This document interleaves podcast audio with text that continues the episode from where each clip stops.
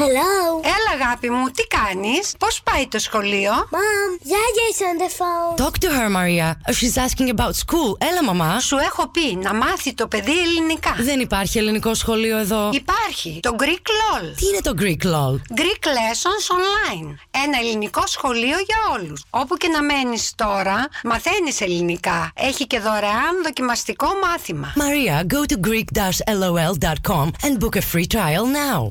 Greek Lessons Online is the biggest Greek online school and the first Greek school coming right to your door. All lessons are delivered by highly qualified native Greek teachers. Open the virtual door of the most popular and innovative online Greek school and book your free trial lesson today at greek-lol.com. Ben jij een Griekenland liefhebber? Hou jij van het heerlijke eten, de gezellige sfeer, de kunst en muziek die Griekenland te bieden heeft? Dit keer hoef je niet ver te reizen. Je hoeft alleen maar naar de Expo Houten te komen. Van 15 tot en met 17 maart toveren wij Expo Houten in Utrecht om in een klein stukje Griekenland. Kom langs om te netwerken, genieten en maak dagelijks kans op een reis naar Griekenland. Tweede Griekse Nederlandse Expo Festival. Feel, taste and live Greece.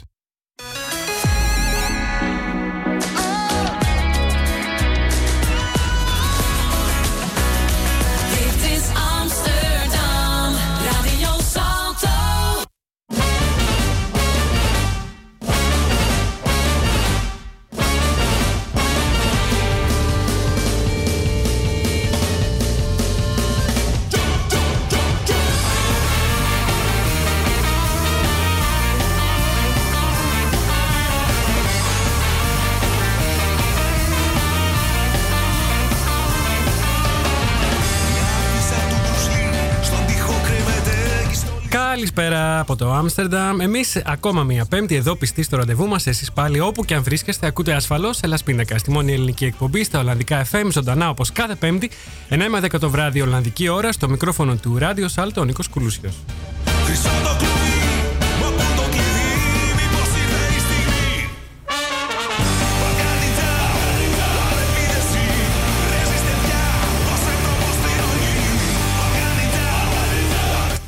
Εκπέμπουμε ζωντανά από το δημοτικό σταθμό του Άμστερνταμ. Υπάρχουν αρκετοί τρόποι για να μας ακούσετε live. Αν αγαπάτε το συμβατικό ραδιόφωνο, αυτό με την κεραία και βρίσκεστε στο Άμστερνταμ, θα μας βρείτε στο Radio Saltus 106,8 τον FM και καλωδιακά στο κανάλι 103,3 πάλι και μόνο στην περιοχή του Άμστερνταμ. Ενώ διαδικτυακά μας ακούτε παντού στον κόσμο από το Hellas Πίνακα στο site μας με ένα κλικ στο κουμπί Listen Now.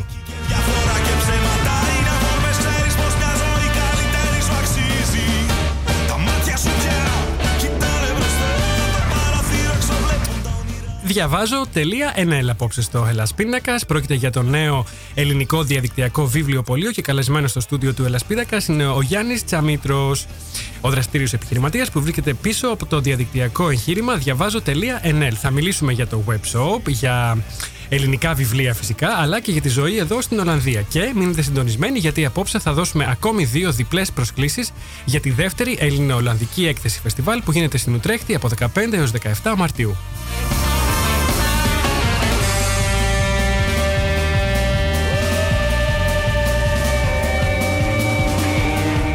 Μείνετε συντονισμένοι στο Ελλάς Πίνακας. Μας ακούτε κάθε πέμπτη σε 9 το βράδυ από το ράδιο Σάλτο. Θα μας βρείτε και στο site μας hellaspindakas.com αλλά και στα κοινωνικά δίκτυα, στη σελίδα μας σε Facebook, Twitter και Instagram. Ενώ για να επικοινωνήσετε μαζί μας ζωντανά, μπείτε τώρα στη σελίδα του Ελλάς Πίνακας στο Facebook και ποστάρετε το σχόλιο σας ή τις ερωτήσεις σας σαν νέο post στη μέση της σελίδας ή γράψτε μας μέσα στο Twitter χρησιμοποιώντας το hashtag Ελλασπίνακας και hashtag διαβάζω.nl. Το κομμάτι που ακούμε τώρα και δίνει μουσικά την έναξη της εκπομπής κάθε Πέμπτη ανήκει στους Μπαίλτισα, λέγεται Balkan Ninja και ευχαριστώ την μπάντα που μου το παραχώρησε για το Hellas Πίνακας.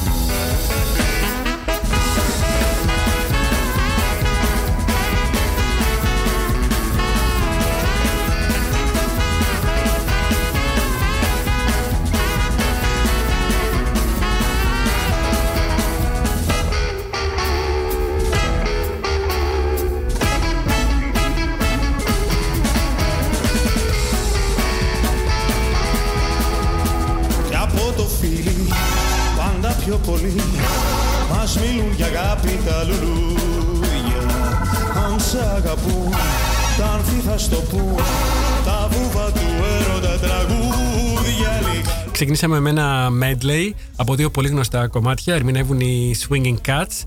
Ε, και θα ξεκινήσω όπως ε, κάθε πέμπτη με τα χαιρετίσματά μας. Καταρχήν ε, από τον Καναδά. Hi from Amsterdam to all our friends over at agapigreekradio.com and hi to all our Facebook friends too from all over the world. Και χαιρετίσματα στην Γιώτα Μπαρόν. Στον Κώστα Μπαμπάτσια. Αυτός είναι δικός σου φίλος Γιάννη. Έλα. Έλα Ο Κώστας ο Μαματσιάς. ναι, γιατί δεν σε ακούμε; Ε, για πες μας κάτι. Έλα λίγο σε αυτό το μικρόφωνο. Θα συνεχίσω εγώ. Και από το φίλι πάντα πιο πολύ Μας μιλούν για αγάπη τα λουλούδια Αν σε αγαπούν, τα άνθη θα στο πούν Τα βούβα του έρωτα τραγούδια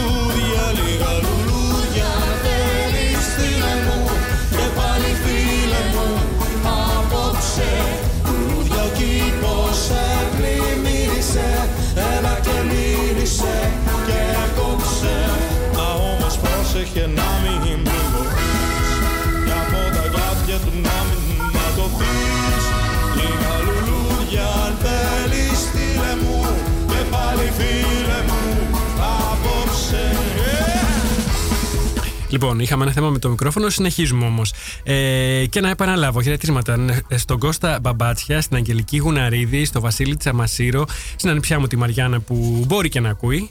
Ε, από το Βελιγράδι, αν δεν έχει κοιμηθεί ήδη, στη Βίβιαν Χιονάτη, ψυχολόγο μας από το Expat Nest, στην Ελένη Σταματοπούλου, στη Βάσο, τη Γιαρένη, στον Αντώνη και, τον, Σου- και τους Super Greeks, στην Τέτη και τον Γιώργο, τους μουσικούς μας και την ερμηνεύτρια, την Τέτη, στον Παναγιώτη και τον Πασχάλη που ακούνε ο ένας από Ιρλανδία και ο άλλος από Ελλάδα και φυσικά χαιρετίσματα και την καλησπέρα στον ε, ανεκτήμητο μου συνεργάτη, τον ε, Νίκο το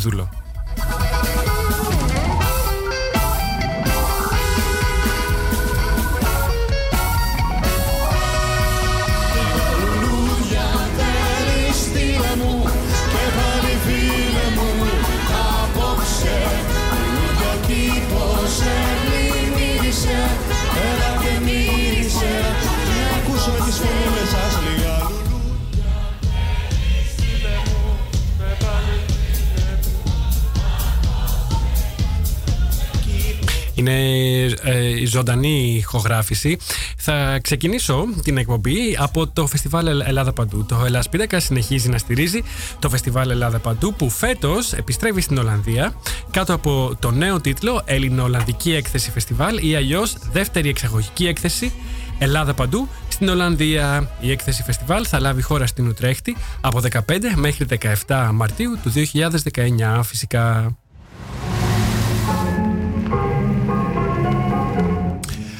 Από απόψε και για τις επόμενες τρεις πέμπτες θα έχετε τη δυνατότητα να κερδίζετε δύο διπλές προσκλήσεις για την έκθεση. Δύο διπλές προσκλήσεις σε κάθε εκπομπή θα δίνουμε. Δύο διπλές προσκλήσεις για επισκέπτες.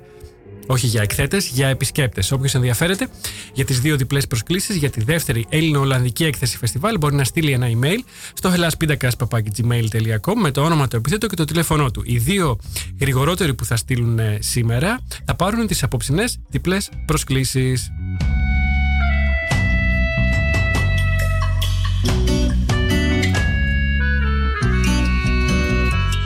Και μέσα στον ε, Φλεβάρι προς αρχές Μάρτη θα κάνουμε ακόμη ένα αφιέρωμα όπου θα ακούσουμε και τον ίδιο τον διοργανωτή του φεστιβάλ, το Θωμάς Σοπηλίδη. Και στην επόμενη εκπομπή που θα κάνουμε για το φεστιβάλ θα σας έχουμε και μία ακόμη έκπληξη, grande έκπληξη θα κληρώσουμε live μια δωρεάν εκθετική θέση για το φεστιβάλ αξίας 990 ευρώ. Αν ενδιαφέρεστε να συμμετέχετε ως εκθέτες, αυτή η προσφορά μας θα σα ενθουσιάσει, πιστεύω, και να ευχαριστήσω τον Θωμά Σοπηλίδη για την ευγενική προσφορά και των προσκλήσεων κάθε Πέμπτη και της εκθετικής θέσης αξίας 990 ευρώ. Τώρα που τα νιάτα σου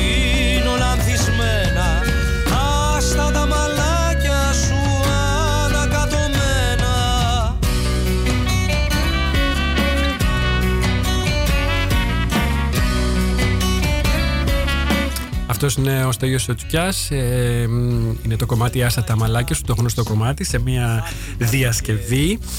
Ε, και να ε, μην ξεχάσω να σας πω και για το agapigreekradio.com το οποίο μας άλλαξε, έχει αλλάξει το πρόγραμμά του, μας άλλαξε ώρα και πάλι. Για όσους είστε, είστε στην Ολλανδία ή σε κάποια χώρα με την ίδια ώρα με την Ολλανδία, μας ακούτε από το agapigreekradio.com σε ηχογραφημένη φυσικά αναμετάδοση κάθε μέρα στη μία το μεσημέρι.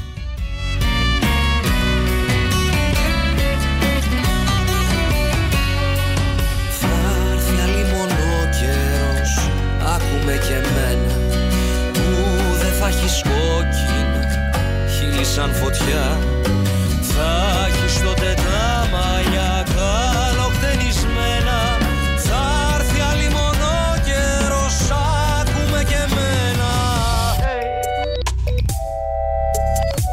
Και κάτι ακόμα, πολλές και πλούσιες οι εμφανίσεις Ελλήνων καλλιτεχνών στην Ολλανδία, όπως έχουμε ήδη πει.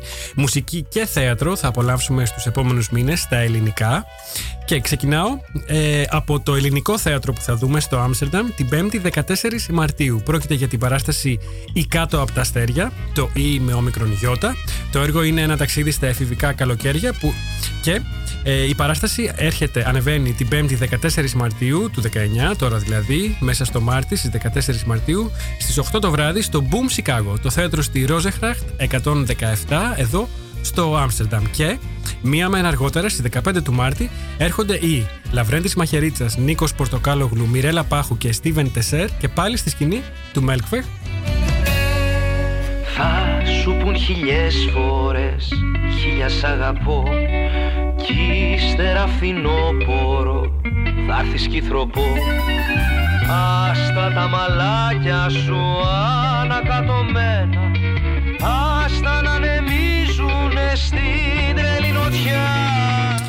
Και φυσικά την ίδια μέρα, στις 15 του Μάρτη, θα έχει ξεκινήσει και η δεύτερη ελληνοολλανδική έκθεση φεστιβάλ, που όπως έχουμε πει γίνεται από τις 15 μέχρι τις 17 Μαρτίου στο εκθεσιακό κέντρο Expo Houten, στο Houten της Ουτρέχτης, εδώ στην Ολλανδία. Και όπως είπαμε, απόψε θα δώσουμε ακόμη δύο διπλές προκλήσεις για τη δεύτερη ελληνοολλανδική έκθεση φεστιβάλ. Προσκλήσεις για επισκέπτες είναι αυτές, όχι για εκθέτες. Όποιος ενδιαφέρεται, για τις δύο διπλές προσκλήσεις επισκεπτών μπορεί να στείλει ένα email στο helaspindakas.gmail.com με το όνομα, το επιθέτω και το τηλέφωνό του.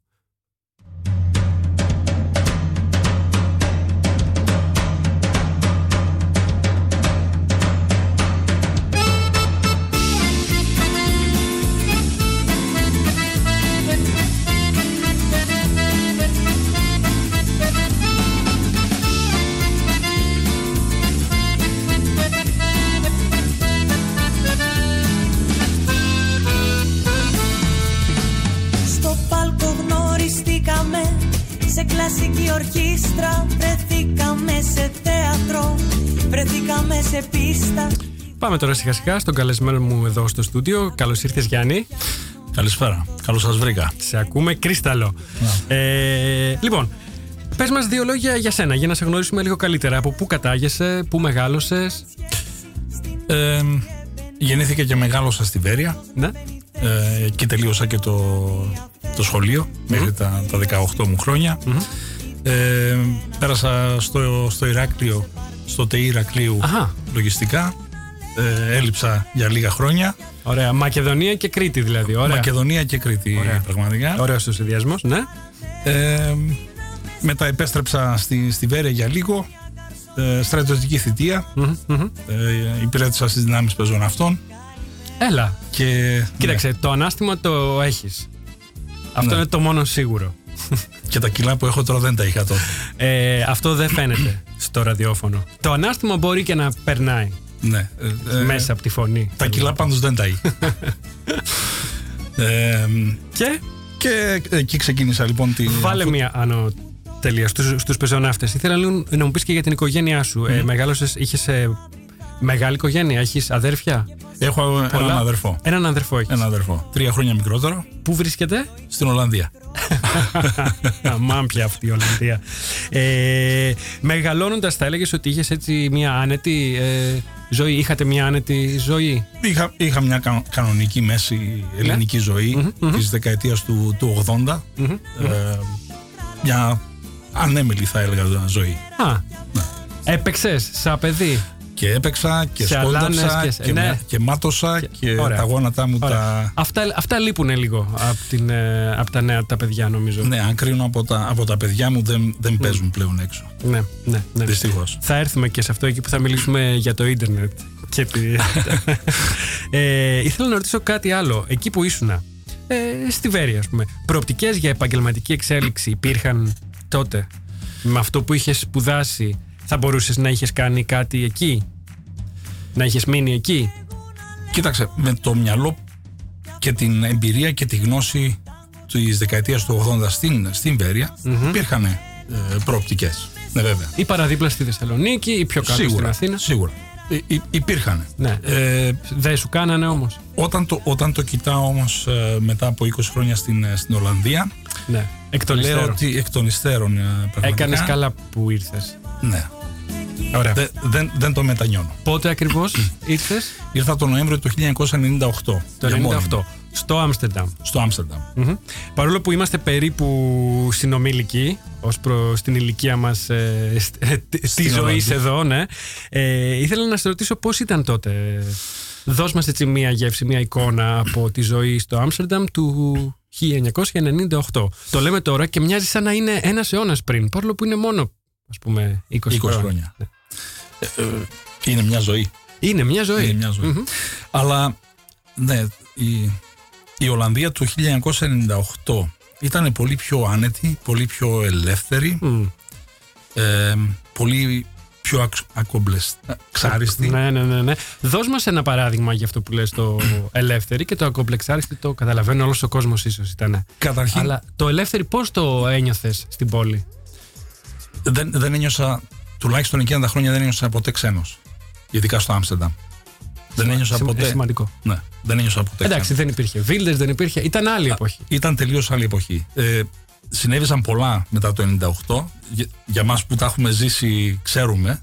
Ε, αλλά παρόλο που και τώρα η Ολλανδία είναι μια χώρα ακομπλεξάριστη, Ναι, κατά έχει πολύ. αλλάξει. Έχει αλλάξει. Έχει αλλάξει. Έχει ναι. αλλάξει. Μμμ. Έχει γύρει λίγο προς το συ- συντηρητικό. Σίγουρα. όταν ήρθες, ε, μας περιέγραψες μια κατάσταση έτσι ε, ελεύθερη κτλ. Ήθελα να σε ρωτήσω ποιο, ποιο ήταν ε, το θέμα που σε δυσκόλεψε όταν ήρθες και ε, ποιο, ποιο θέμα πρώτο αντιμετώπισες; Ενώ ποια ήταν τα προβλήματα εκείνης της εποχής για κάποιον που μόλις είχε έρθει; Γιατί τα τωρινά τα ξέρουμε, είναι κυρίως η στέγαση, Ναι. το, το σπίτι, η εργασία φυσικά.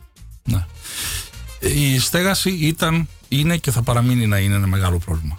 Ακόμα το, και τότε; το 98 ήταν ένα πολύ μεγάλο πρόβλημα. Μμμ. Ε, η εργασία δεν ήταν ε, ε, μεγάλο πρόβλημα. Ήταν, Σε πιστεύω και Τελείως συνυ- διαφορετικά. συνυπογράφω σε Ναι. αυτό που λες. Η Ολλανδία τότε ήταν τελείως διαφορετική. Ήτ- ε, Η ανάπτυξη της τότε Ολλανδίας ήταν ε, τρομερή. Ναι, ναι, ναι.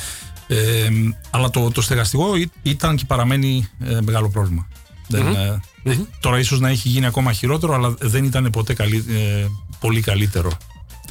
Με τι καταπιάστηκες; Ξεκίνησα, Όταν- Ναι. ξεκίνησα σε ένα ελληνικό εστιατόριο. Αυτή ήταν η, η πρώτη μου. Ε, ε, Μ' αρέσει δουλειά στην που Ολλανδία. είσαι ειλικρινής. Θα μας πεις όλη την αλήθεια. την Θα πάσα πω, αλήθεια. τι- Ναι. Απόψε. Χωρίς φόβο και Αυτό- χωρίς πάθος. Αυτό νιώθω. Ναι. Χωρίς φόβο και χωρίς πάθος. ναι. Ναι, ε, ξεκίνησα λοιπόν σε ένα ελληνικό εστιατόριο.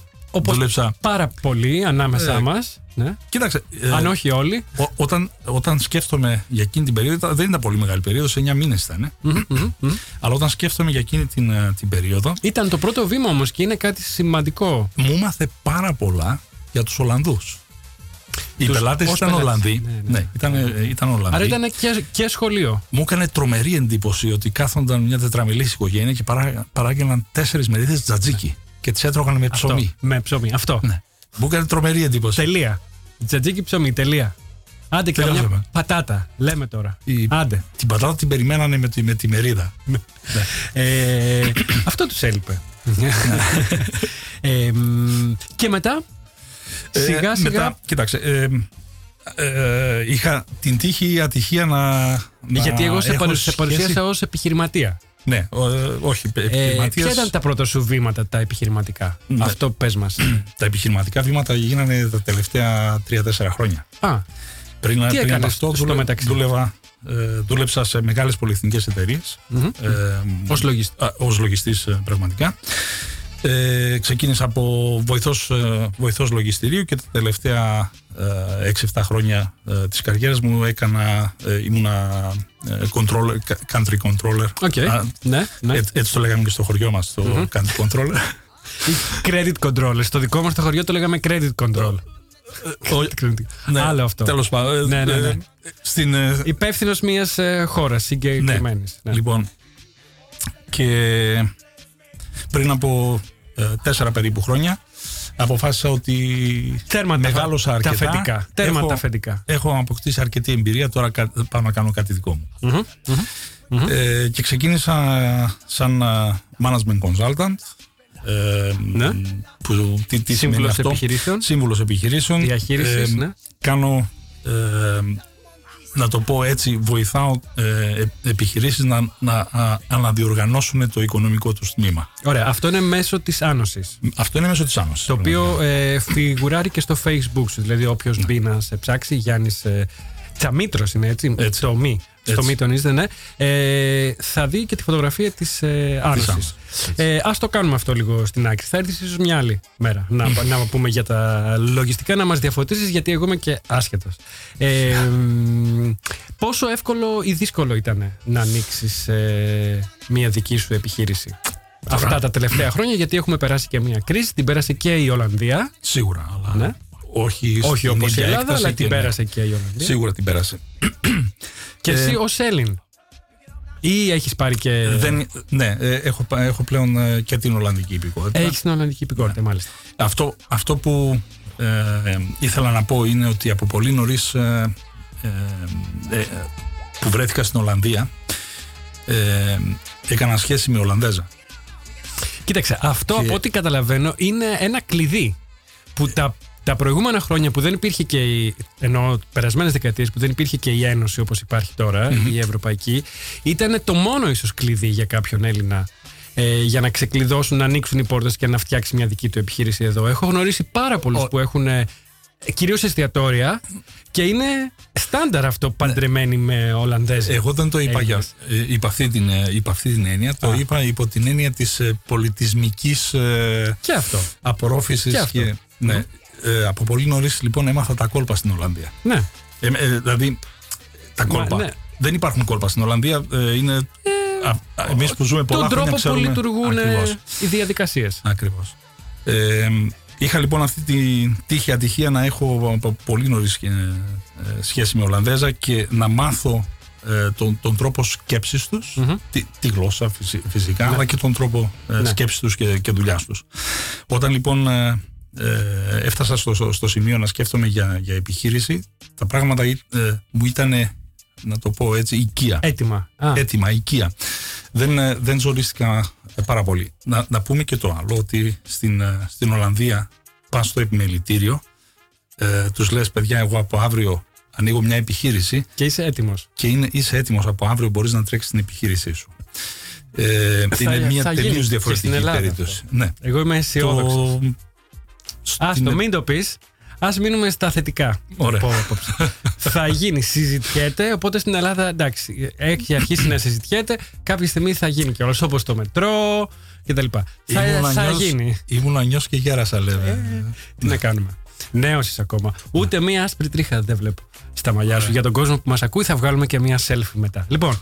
Ε, ναι, ήθελες, είχε, είχα, ε, θα ήθελες να καταλήξεις κάπου; Γιατί έλεγες για το. Μιλούσαμε για το πόσο εύκολο ή δύσκολο ήταν να ανοίξεις μία επιχείρηση. Οπότε εν τέλει. Κοίταξε, ε, εφόσον Είχε, έχεις είχες την κάποια ιδέα. εφόδια Έχει, που σε έχεις την βοήθησαν. ιδέα. Ναι. Μμ. Έχεις, ε, ε, προφανώς Έχεις έχεις, την την, εμπειρία. εμπειρία. σου. Έχεις την εμπειρία σου. Έχεις την, ε, την ιδέα. Ε, ο, ο τρόπος Έχεις δουλειάς. την παιδεία μέσω της συζύγου, την παιδεία την Ολλανδική, Την ας πούμε, Ολλανδική. την, την κουλτούρα μάλλον. Την Μαθαίνεις λοιπόν να επιχειρησιακή. προγραμματίζεις. Α. Να. Ε, Μας έλειπε αυτό, μας λείπει, ε. Μας λείπει, ναι. Μας λείπει. Λοιπόν, ο- αφού, τα, αφού λοιπόν τα βάλεις όλα, όλα αυτά κάτω σε ένα χαρτί. Ναι. Να, τε- τώρα δεν τα βάζουμε σε χαρτί, Ναι, τα ναι, βάζουμε ναι. σε, Ναι. στον υπολογιστή, αλλά εν πάση περιπτώσει Στην ταμπλέτα. στην ταμπλέτα. Αφού λοιπόν τα, τα βάλεις όλα αυτά σε μια σειρά, Ναι. ε, μπορείς να, ξε, να ξεκινήσεις. Μμμ. Και έτσι, έτσι ξε- ξεκίνησε και η άνοση, αλλά και το διαβάζω. Ε, θα τα πούμε στο επόμενο κομμάτι για το διαβάζω.nl. Ε, πες μου για την άνωση κάτι τελευταίο. Από ό,τι κατάλαβα μοιράζεις ε, ε, το χρόνο σου ανάμεσα στο Άμστερνταμ και Στον Bristol της Αγγλίας. στο Μπρίστολ. Ε, αυτό είναι για, ε, για την άνωση, αυτό γίνεται για την άνωση; Ναι, είναι, α- αυτό που κάνω εκεί είναι ένα είδος αναδιοργάνωσης του οικονομικού τμήματος του πελάτη Ωραία. μου. Μία σύντομη ερώτηση που δεν έχει τόσο να κάνει με αυτό που κάνεις εσύ εκεί στε- στο Bristol. Έχει, είναι μια πιο γενική ερώτηση. Τι έχει η Αγγλία που δεν έχει η Ολλανδία επιχειρηματικά, αν μπορείς να; Γιατί αυτές οι δύο χώρες, ε, μοιάζουν αρκετά. Έχουν όμως και πολλά διαφορετικά. ε, Στον τρόπο στοιχεία. δουλειάς δεν μοιάζουν. Ε, έχω βρει πάρα πολλές διαφορές. Οι, οι Άγγλοι ε, κάνουν πράγματα χωρίς να τα πολύ συζητήσουν και πολύ σκεφτούν. ε. Μμμ. Οι Ολλανδοί από την άλλη κάνουν ε, Overleg. ε, πάρα πολύ. Polder mo- model Ναι. κτλ. κτλ. Ναι, ναι, ναι.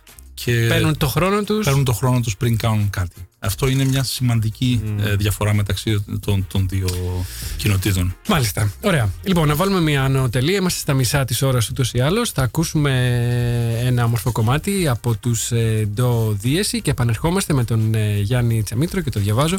Τελεία. NL.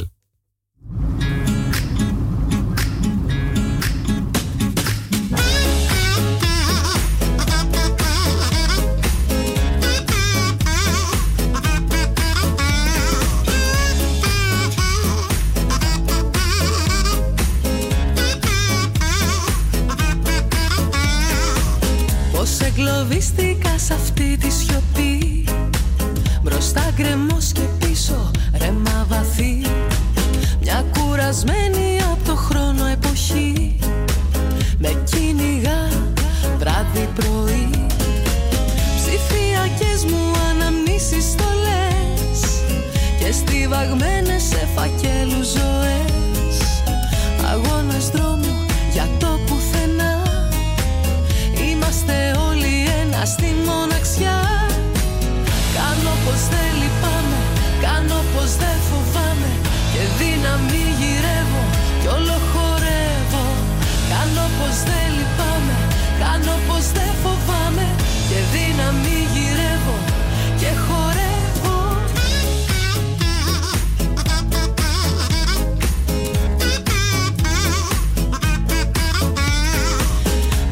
εγκλωβίστηκα σ' αυτή τη σιωπή.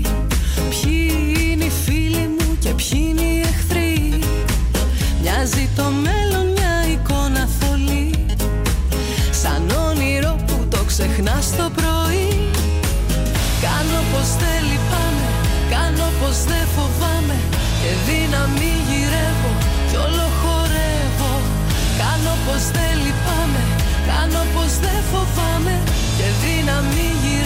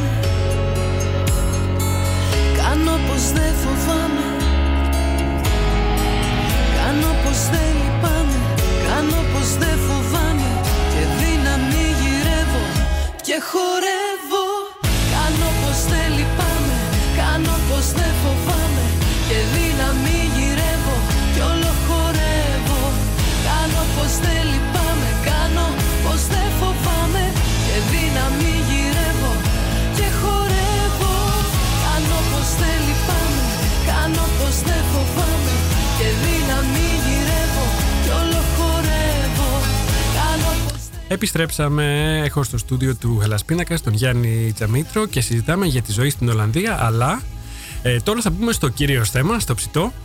Στο webshop διαβάζω.nl με αγγλικούς χαρακτήρες το νέο ελληνικό διαδικτυακό βιβλιοπωλείο.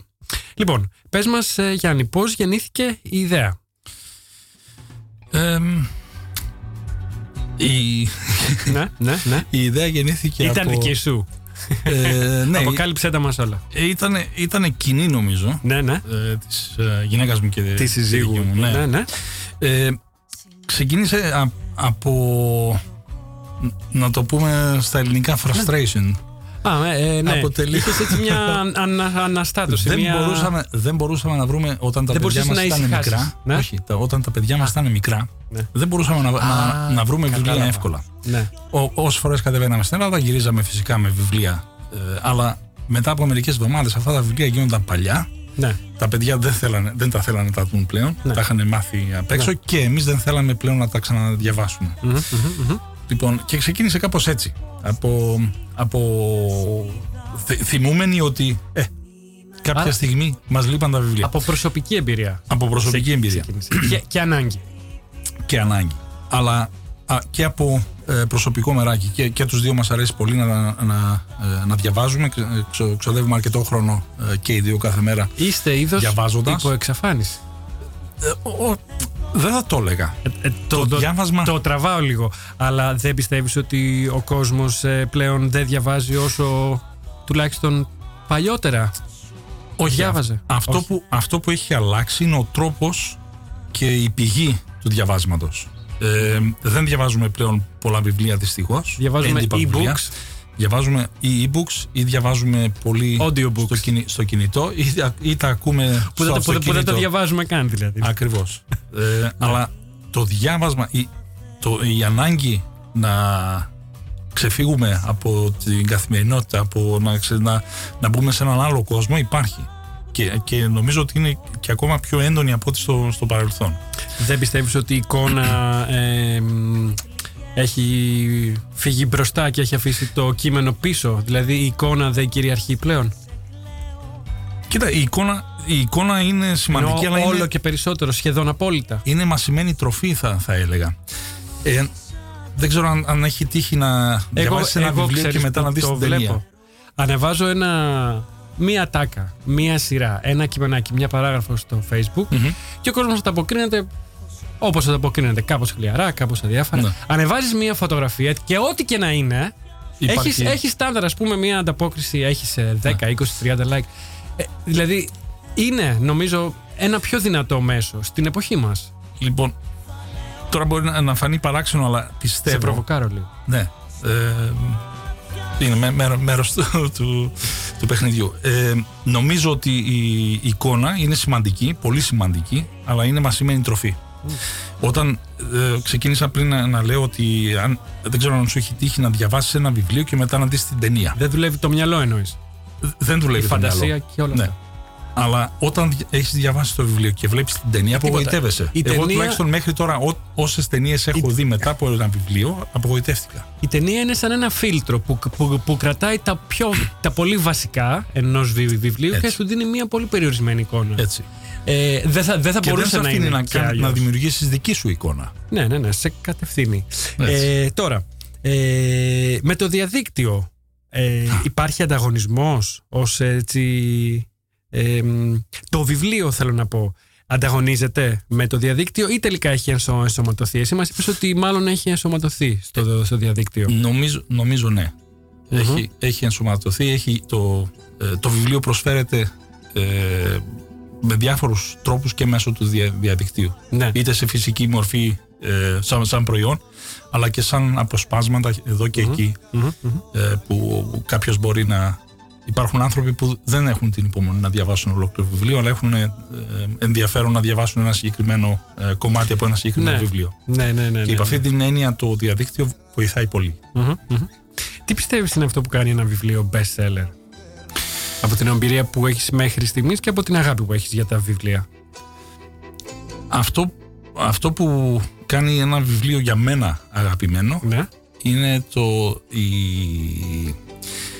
η ευκαιρία που μου δίνει Ναι. να δημιουργήσω εικόνες. Μμμ. Ε, γυρίζουμε πίσω στην εικόνα. Είσαι όμως και επιχειρηματίας πλέον. Οπότε Ναι, εντάξει. σε ρωτάω τι και, και τι πουλάει και τι πιστεύεις ότι θα, θα πουλήσει. Σε έναν Κοίταξε. ιδα- ιδανικό κόσμο αυτά τα δύο θα ταυτίζονταν. Θα ήταν το ίδιο πράγμα. Ναι, δεν είναι, δυστυχώς. Α, δεν είναι πάντα. Όχι. Ε, παίζει ρόλο, παίζει ρόλο και, και η διαφήμιση. Ε, η εικονα Ε, ε, πα- πάντα γυρίζουμε στην, ε, στην εικόνα. Ε, αυτό, που, αυτό που έχω δει τα, τους τελευταίους μήνες, ε, το διαβάζω, υπάρχει από τον, Νοέμβριο, από τον Οκτώβριο του 2018 στον αερα Ε, δεν είναι τόσους πολλούς μήνες, Ναι. αλλά βλέπουμε μια συγκεκριμένη τάση. Αυτά που ακούμε από την Ελλάδα ότι περπατάνε καλά Ναι. και είναι ε, δημοφιλή βιβλία, αυτά πουλάνε και στην Ολλανδία. Μμμ. Αυτό είναι η... Μάλιστα. Δηλαδή υπά- υπάρχει ένας ε, μιμητισμός Ναι. ε, του αναγνωστικού κοινού Ναι. της, ε, της Ολλανδίας. Μιλάς τώρα για Έλληνες ή για ξένους συγγραφείς; Ε, μιλάω και, και για τα δύο. Και για τα δύο. Για, για να σου δώσω ένα παράδειγμα, ο Τζο Νέσμπο Ναι. Ήθελα να, να σε ρωτήσω για τον συγκεκριμένο, γιατί φιγουράρει αρκετά. Έχετε, έχετε αρκετά βιβλία του, νομίζω. Ναι. Ναι. Για, για πες Γιατί- μας, ποιος γιατί- είναι; ε, Δεν το γνωρίζω. ο, ο Τζο Νέσμπο είναι, είναι ένας ε, σκανδιναβός ε, συγγραφέας. Α. Και εγώ προσωπικά, προσωπικά εγώ βλέπω ε, και, και διαβάζω πάρα πολύ σκανδιναβικές αστυνομικές ε, Αλήθεια. Ναι. Ε, έχουν έναν, έναν διαφορετικό τρόπο να, να γράφουν αστυνομικά δι, ε, μυθιστορήματα. Ναι. Είναι α, απέριττος, χωρίς πολλές... Ε, ε, χωρίς αίμα καταρχήν. Αχα, Ε, αχα. δεν, ε, για αυτούς που ξέρουν τα, τα σκανδιναβικά ναι. δεν, είναι- δεν, είναι- δεν δείχνουν αίμα. Δεν Έλα. αναφέρονται Αλήθεια. στο αίμα. Ε, αλλά έχουν σοβαρή πλοκή, καλή ιστορία, Ναι. ε, έτσι είναι και ο, ε, και ο, Τζο, και ο Τζο Νέσμπο. Είναι ένας ε, αυτή τη στιγμή πρωτοπόρος ε, στο, στο είδος του στην, ε, στον κόσμο θα έλεγα. Μάλιστα. Και πουλάει πάρα πολύ. Ήθελα να σε ρωτήσω πώς επιλέγετε τους τίτλους των βιβλίων ε, που. Αλλά μάλλον έχει να κάνει και με το προσωπικό ενδιαφέρον, από ό,τι Όχι. καταλαβαίνω. Ποια είναι τα Εδώ- κριτήρια; Ε, ε, σε αυτή την περίπτωση ε, μιλήσαμε με εκδοτικούς οίκους Μάλιστα. ε, γιατί το, το προσωπικό καμιά φορά ε, δεν συμβαδίζει και με το, με ναι, το ναι. εμπορικό. Μιλήσαμε λοιπόν με, με εκδοτικούς οίκους, με αυτούς που ε, συνεργαζόμαστε και αυτοί μας ε, καθοδηγήσαν και μας προτείνανε μια σειρά ε, βιβλίων. Ε, φυσικά έχουμε προσθέσει και τίτλους που θεωρούσαμε εμείς Ναι, ε, ναι. ε, σημαντικούς, αλλά ε, κυρί- η, η κυρίαρχη ε, τάση ήταν αυτή που μας δόθηκε από τους ε, εκδοτικούς οίκους. Γιατί κακά τα ψέματα είναι, το διαβάζω είναι ε, ξεκίνησε από μεράκι, ξεκίνησε από ε, σαν ε, ένα, μια, μια προσωπική, ένα προσωπικό στοίχημα αν θέλεις αλλά ε, εξακολουθεί να είναι επιχείρηση και θέλουμε να, ε, να κερδίσουμε από αυτό. Πόσους τίτλους έχετε αυτή τη στιγμή στο web shop, 100, 200, 200. Αυτή τη στιγμή ε, έχουμε και, και καινούργιες πα, παραλαβές. Αυτή τη στιγμή πρέπει να ξεπερνάμε τους 500 τίτλους. Μάλιστα. Ε, Ε, ξεκινήσαμε με και έχετε βιβλία και στα ελληνικά και στα ολλανδικά. τα, Ολ- τα Ολλανδικά δυστυχώς δεν είναι τόσα πολλά. Οκ. Όχι όσα θα ήθελα τουλάχιστον. Έχουμε ε, μερικούς, τι- μερικούς. Έχουμε τρεις τίτλους του, του, του Καζαντζάκη, έχουμε έναν του Παναγιωτόπουλου. Ε, Ένα κάναμε του Θέμελη είδα. του, του Θέμελη, ναι. Ναι. Ή, κάναμε μία γνωριμία πολύ ε, πρόσφατα με τη σύζυγό. Γιατί, ξέρεις, ε, από την ώρα που ξεκινήσαμε το διαβάζω, άνθρωποι μας πλησιάζουν ε, από διάφορες ε, Μμμ. ε, γωνιές και από διάφορα μετερίζια Ναι. και έρχονται με διάφορες ε, ιδέες. Ναι. Λοιπόν, μας πλησίασε μια γλυκύτατη ε, κυρία, Ολλανδέζα, η οποία μιλάει άπτεστα ελληνικά και μ, η ίδια έχει μεταφράσει βιβλία Ελλήνων Α. συγγρα, ε, συγγραφέων στα Ολλανδικά. Τα ψάχνω. Ε, θα, κάποια στιγμή θα, θα, τα, θα τα βάλουμε στην... Ωραία. αλλά δυστυχώς δεν είναι τόσα πολλά. Αυτό μας επιβεβαίωσε και, και η γλυκύτατη κυρία που, που γνωρίσαμε πρόσφατα. Άρα αυτή τη στιγμή το κοινό σας είναι κατά βάση Έλληνες. Είναι κατά βάση Έλληνες ή Ολλανδοί που μιλούν ε, ε, πολύ- και μπορούν να διαβάσουν ε, καλά ελληνικά. Έχουμε και, και Ολλανδούς πελάτες που παραγγέλνουν ελληνικά βιβλία. Ναι, δε- δεν είναι λίγοι. Είναι Όχι, αρκετοί. Έχω όχι, είναι φιλοξενήσει ήδη εγώ στην εκπομπή αρκετούς Ολλανδούς που μιλάνε ελληνικά και υπάρχουν και πάρα πολλοί ακόμη. Και ξέρεις, Νίκο, αυτό που μου κάνει τρομερή εντύπωση είναι αυτοί που μιλάνε, οι Ολλανδοί που μιλάνε ελληνικά, σε ορισμένες περιπτώσεις γράφουν Ναι. πολύ καλύτερα ελληνικά από Έλληνες που, μας, ε, που επικοινωνούν μαζί μας γραπτά. Ναι, γιατί την έχουν παιδέψει, έχουν παιδευτεί για να τη μάθουν την ε, γλώσσα και τη χρησιμοποιούν ίσως και λίγο καλύτερα από εμάς που τη μαθαίνουμε στο, στο φτερό. Ήθελα να σε ρωτήσω, μίλησες πριν για διαφήμιση. Ε, εγώ σε βρήκα σε, σε, σε πρωτοείδα μέσω Facebook. Ναι. Άρα τα δουλεύετε τα social media. Ήθελα να σε ρωτήσω πώς, πώς προωθείτε το διαβάζω.nl ε, και στο ελληνικό και στο ολλανδικό. Ναι. κοινό. Τι ενέργειες έχετε κάνει, γιατί κακά τα ψέματα χωρίς διαφήμιση δεν μπορεί να Σωστά. τραβήξει ένα βιβλιοπωλείο και ιδίως στο διαδίκτυο. Πώς θα πέσει ο άλλος πάνω στη σελίδα σας; Πρέπει κα- κάτι να κάνετε. Ε, η, κυρίως βα- βασιζόμαστε στα, στα social media. Μμμ. Ε, υπάρχουν, ε, υπάρχει σελίδα μας ε, στο facebook, υπάρχει σελίδα μας στο, ε, στο instagram. Το site σας Είμαστε- ποιο είναι; Διαβάζω τελεία, τελεία, ε, ναι, ναι. ναι, ναι. Αυτό. Το είπα. Και υπάρχει φυσικά και, Και, στο, και, και το, ίδιο είναι Twitter. και στο Facebook, το ίδιο είναι και στο Twitter. Δεν Ακριβώς. αλλάζει. Όχι. Αυτό. Όχι. Αυτό είναι, ε, η, αυτή είναι η ονομασία του, ε, του βιβλιοπωλείου μας.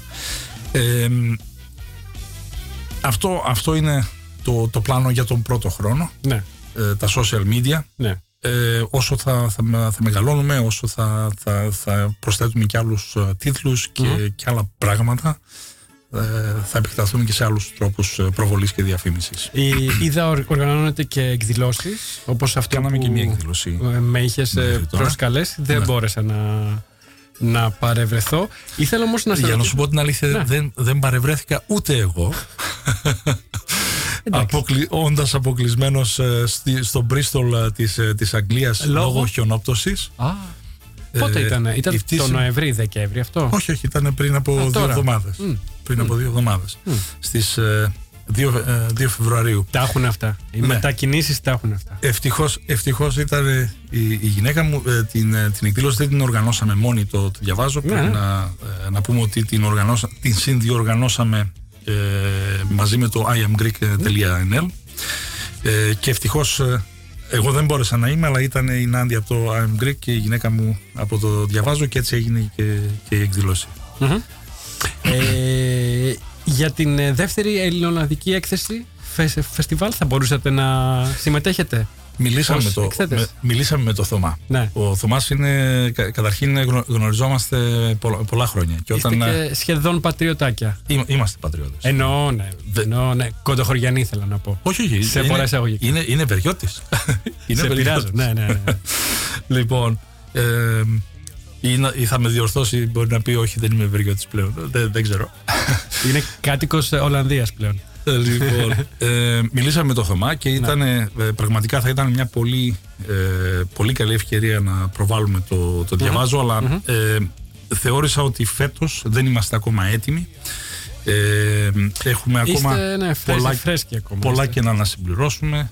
Ε, οπότε είπαμε φέτος θα το προσπεράσουμε και θα, του Την χρόνου επόμενη θα φορά είμαστε πιο σίγουρα. έτοιμοι Ακριβώς. και πιο σίγουροι. Ακριβώς. Ωραία. Ε, σε, μια, σε ένα μέσο όπως η εκπομπή μας, ΜΜΕ, θα μπορούσατε να μπείτε σπόνσορας.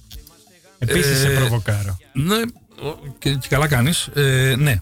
Ε, είναι, κάτι, είναι κάτι που, Ναι. ε, που το σκεφτόμαστε σοβαρά. Ναι. Η, η, η, ε, επεκτείνοντας τους ε, τρόπους προβολής είναι κάτι το οποίο μας απασχολεί συνεχώς. Ναι.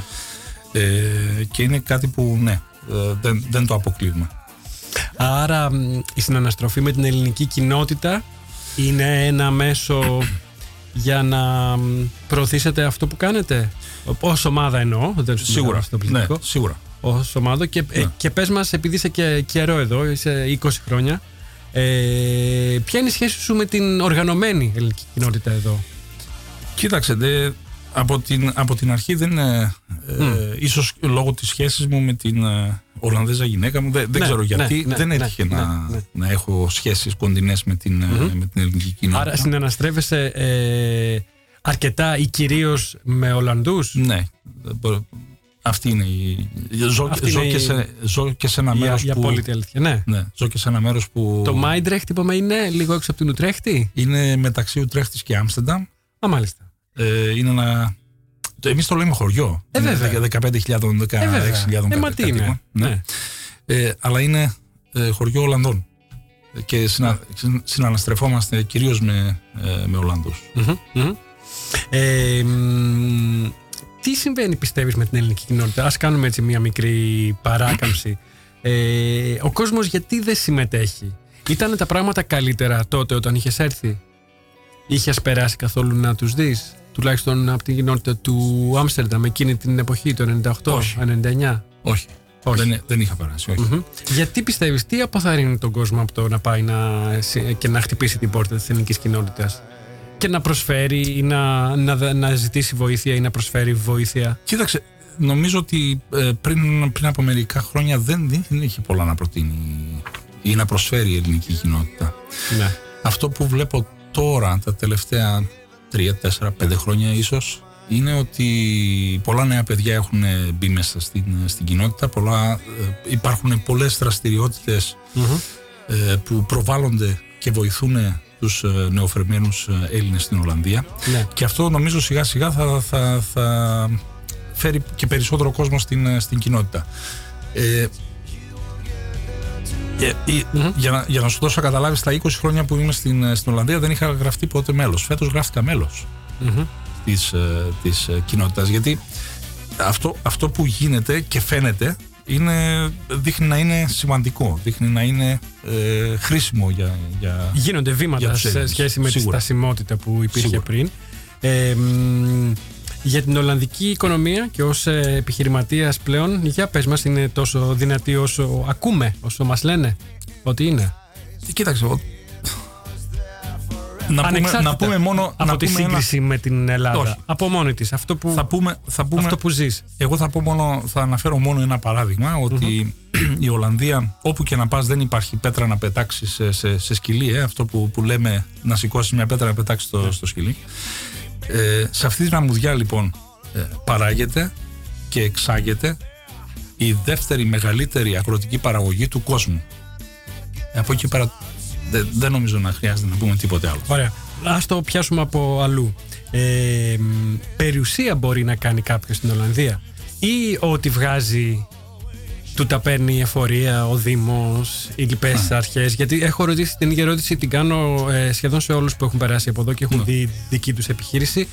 Ε, ένα είναι αυτό, αν μπορείς να βάλεις κάτι στην άκρη να, ε, ή ό,τι βγάζεις το δίνεις στην ουσία. Και ένα άλλο, αν πιστεύεις όντως ότι η Ολλανδία, όπως διατείνονται, είναι μια κοινωνία ίσων ευκαιριών ή αν τελικά πρέπει να έχεις χρήματα για να βγάλεις χρήματα. Είναι δύο ερωτήματα.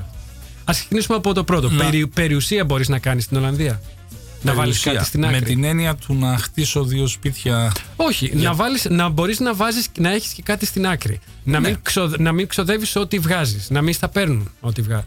Ε, όχι, όχι με την έννοια που μπορείς να το κάνεις ε, στην Ελλάδα. Α, Όχι. μμ. Ε, εκτός, εκτός πια κι αν, ε, κι αν η επιχείρησή σου είναι, έχει φτάσει σε εκείνα τα, τα μεγέθη που μπορείς να μιλάς για εκατομμύρια και εκεί Άλλο θα αυτό. περισσέψουν, Εκεί έχεις, αλλά- είσαι ήδη φτασμένος. Ναι. Εσύ όμως, για παράδειγμα, για να το κάνουμε και πιο προσωπικό, έχεις δύο επιχειρήσεις που ασχολείσαι. Αυτό ήταν και λίγο ανάγκη; Όχι, το, Δηλαδή- το βιβλιοπωλείο δεν ήταν κα, κα, ίσα ίσα Όχι, ναι. προσέθε, προσέθεσε ε, περισσότερες Χρέος. δρα- ε, δρα- δραστηριότητες Δραστηριότητες, ναι. Α, Όχι, δεν εννοώ ήταν ανάγκη. με, με μία επιχείρηση μπορεί κάποιος να ζήσει Ναι. την, οικ- την οικογένειά του και να βάλει και κάτι στην άκρη. Να κάνει και μια μικρή περιουσία δουλεύοντας σκληρά. Ναι. Βέβαια. Ναι, φυσικά. Ναι. φυσικά. Η, ε, ε, κοίτα, πλη- πληρώνουμε πάρα πολλούς φόρους. Αυτό είναι, αυτό είναι γεγονός. Πληρώνουμε πάρα πολλά για τις ασφαλείε μας. Πληρώνουμε πάρα πολλά για, ε, μ, για να έχουμε έναν αξιοπρεπή τρόπο ζωής στην Ολλανδία. Αλλά εάν δου, δουλεύεις σκληρά, νομίζω ότι. Ε, Είναι ακόμα δυνατό. Ναι, είναι δυνατό. Και στο άλλο το ερώτημα, είναι ακόμα κοινωνία ίσων ευκαιριών ή πρέπει να έχεις χρήματα για να βγάλεις χρήματα; Αυτό πες μου λίγο. Ε, το χρήμα φέρνει χρήμα. Αυτό, αυτό, αυτό, αυτό, το Ανέκαθεν. έχουμε μάθει από Ανέκαθεν. μικρή. Έτσι, δεν είναι. Ανέκαθεν. ανέκαθεν. Έτσι. Μάλιστα. Λοιπόν, ε, κάτι τελευταίο για να κλείσουμε που είναι, το χάσα. Πες μας τα σχέδιά σας, ως ομάδα εννοώ, ως διαβάζω.nl, ναι, ναι, ναι. για το μέλλον. Ε, και πάνω σε αυτό ακριβώς, αν φιλοδοξείτε να ανοίξετε ίσως και ένα κανονικό βιβλιο- βιβλιοπωλείο με φυσική παρουσία, με κτίριο κάπου στην Ολλανδία. Ε, Ας κλείσουμε έτσι. Να, να, να ξεκινήσω από το τελευταίο. Ναι. Στο πίσω μέρος του μυαλού μου θα το ήθελα πάρα πολύ. Αλλά δεν, δεν το βλέπω στο κοντινό μέλλον. Άρα, ποια είναι τα ε, Το- σχέδια; τα, τα σχέδια είναι ε, πολύ πολύ ε, σύντομα. Την επόμενη εβδομάδα κατεβαίνω Ελλάδα. Ε, πολύ πολύ σύντομα περιμένω, ε, περιμένω ότι θα, θα, κάνουμε, θα προσθέσουμε κάτι ακόμα δίπλα στα βιβλία. Δεν λέω ακόμα τι. Το κρατάμε, το κρατάμε έκπληξη γιατί... Αστείο θα κάνω τώρα. Σε Ναι. ετοιμάζω. Θα είναι φαγόσιμο. όχι, όχι, δεν θα είναι φαγόσιμο. Ούτε Γιατί ελιές, είπες, ούτε ελιές, κατεβαίνω ούτε στην ελαιόλαδο. Ελλάδα. ναι, ούτε ελιές, ούτε ελαιόλαδο. Ωραία. Όχι, Ε, θα είναι κάτι... κάτι... Θα, θα είναι αναγνώ, ανάγνωσμα, αναγνώσιμο. Θα, Δε- είναι- δεν θα πω ακόμα Άντε τι. καλά. Άντε καλά. Οκ. Θα, θα, Θα είναι α, ακουστικό, θα είναι ελ- ήχος; ελπίζω ούτε. Οκ. Ελπίζω ε, το, το ταξίδι στην, στην Ελλάδα να, να ευοδοθεί και σε λίγες εβδομάδες θα, θα προσθέσουμε κάτι ακόμα που ε, πιστεύω θα, ε, θα αρέσει στους ε, Έλληνες της Ωραία. Ολλανδίας. Ωραία, ωραία, ωραία. Ευχαριστώ πάρα πολύ. Φτάσαμε στο τέλος. Ε, ευχαριστώ τον Γιάννη Τσαμίτρο που Εγώ βρέθηκε ευχαριστώ. απόψε μαζί μου. Να είσαι καλά, Γιάννη. Εδώ στο στούντιο του Ελλάς Πίνακας. Καλή συνέχεια στο διαβάζω.nl. Ό,τι άλλο Ευχαριστούμε πολύ. χρειαστείτε, ε, μην διστάσεις να μου γράψεις. Μπορεί να τα καταφέρω να έρθω. Ε, αν όχι, μπορεί να ξαναέρθεις εσύ εδώ να μας τα πεις εκ νέου για Πολύ ό,τι ευχαριστώ. προκύψει. Λοιπόν, Κάπου εδώ σας λέμε Χούιενάχτ για να ανανεώνουμε το ραντεβού μας για την επόμενη Πέμπτη, πάντα στις 9 το βράδυ, τοπική ώρα από το ράδιο Σάλτο. Μας ακούτε και σε αναμετάδοση κάθε μέρα στη 1 το μεσημέρι πλέον. Στη 1 το μεσημέρι κάθε μέρα από το agapigreekradio.com, το web radio από το Τορόντο με ελληνικές εκπομπές από όλο τον κόσμο. Ακολουθεί η εκπομπή Finger Popping Soul εδώ στο Radio Salto. Μέχρι την επόμενη Πέμπτη να είστε καλά και να περνάτε ακόμα καλύτερα. Καλό παρασκε... Παρασκευό Σαββατοκύριακο σε όλους. Το Tfolgende Care. Ντουντουί. Είχα όλη τη γη, είχα τον ουρανό Και μες στα δυο μου χέρια κρατούσα τον παράδεισο Όταν μου πες αντίο, ράγισε ο ουρανός Και μέσα ψηλά απ' τον ήλιο, σαν να ήμουν ο Ικαρός Μέσα σε ένα πλήθος κόσμου, βρέθηκα μονάχος Άγγελος με μαύρο πέπλο, μαύρο τριανταφύλλο. Δεν ήξερα τι είναι η νύχτα που πέφτει παραλιακή. Εγώ δεν ήμουν αλήτης, αλήτη με κάνεις εσύ. Α.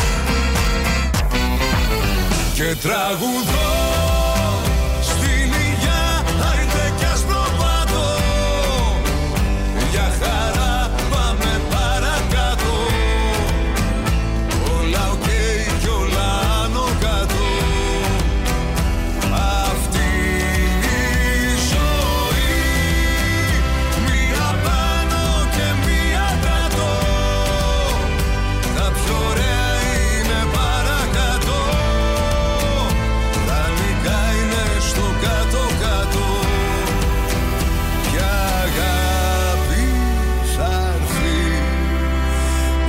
Η